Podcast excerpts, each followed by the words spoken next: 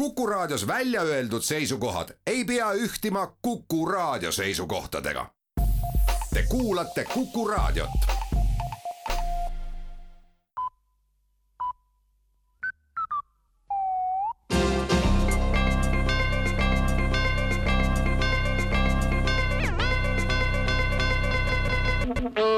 tere kuulama uudiseid stuudios Rohke Debelak.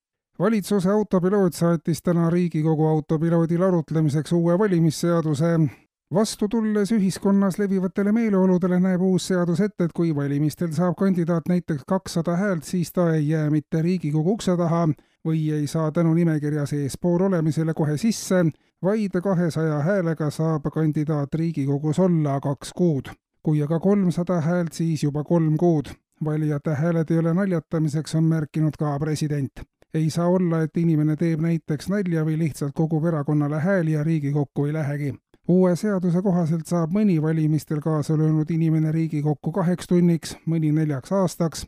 kui on saadud kümme häält, siis saab kandidaat juba Riigikokku ka ekskursioonile ja tõsistel teemadel. tervisespetsialistid on teinud pöördumise Riigikogu vastavatele komisjonidele, juhtimaks tähelepanu töö- ja puhkeaja seaduse järgimiseks ka poliitikute puhul ja seda just valimiste ajal.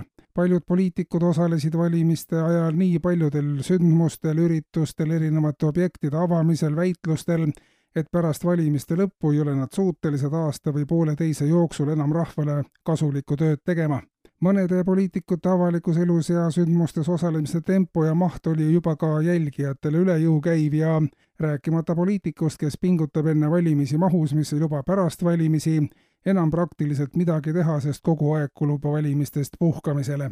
tervisekaitsespetsialistid soovitavad täpse regulatsiooni väljatöötamist, mis sätestaks, kui palju üks poliitik tohib ööpäevas erinevatel sündmustel osaleda, et poliitikust oleks ka pärast valimisi asja vabariigi valitsus aga annab teada, et riigieelarve täitumine käesoleval eelarveaastal on garanteeritud, kuna Eesti riik saab rahvusvahelisel turul kaubelda lisaks saastekvoodile nüüd ka lumekvoodiga.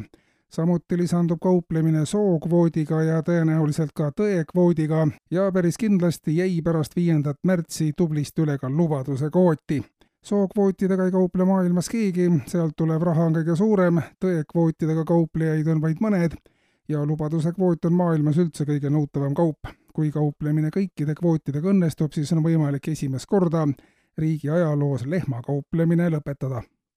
ja EKRE annab teada, et valimistulemustest on tehtud järeldused ja on otsustatud minna juurte juurde tagasi. eile toimuski Külgitses Vanarahvaliidu asutamiskongress uue poliitilise jõu saabumine peaks Vanarahvaliidu liikmete sõnul tooma üldisesse poliitilisse kultuuri muudatusi positiivses suunas. Vanarahva ilutarkust tsiteeritakse vanarahva sõnul küll sageli, aga vanarahva tõekspidamiste ja tähelepanekute järgi käitutakse liberaalses maailmas tegelikult järjest harvem. Pärast asutamiskongressi kogunes vanarahvas Vana kaevu juurde, kus toimus kollektiivne sinna mitte sisse sülitamine, lisaks tehti luuvurri, keelatud oli ketramine ja rehepeks. Õhtul viidi Metsik vallamaja ukse taha joodi naistepuna ja ennustati kapsakasvude pealt minevikku.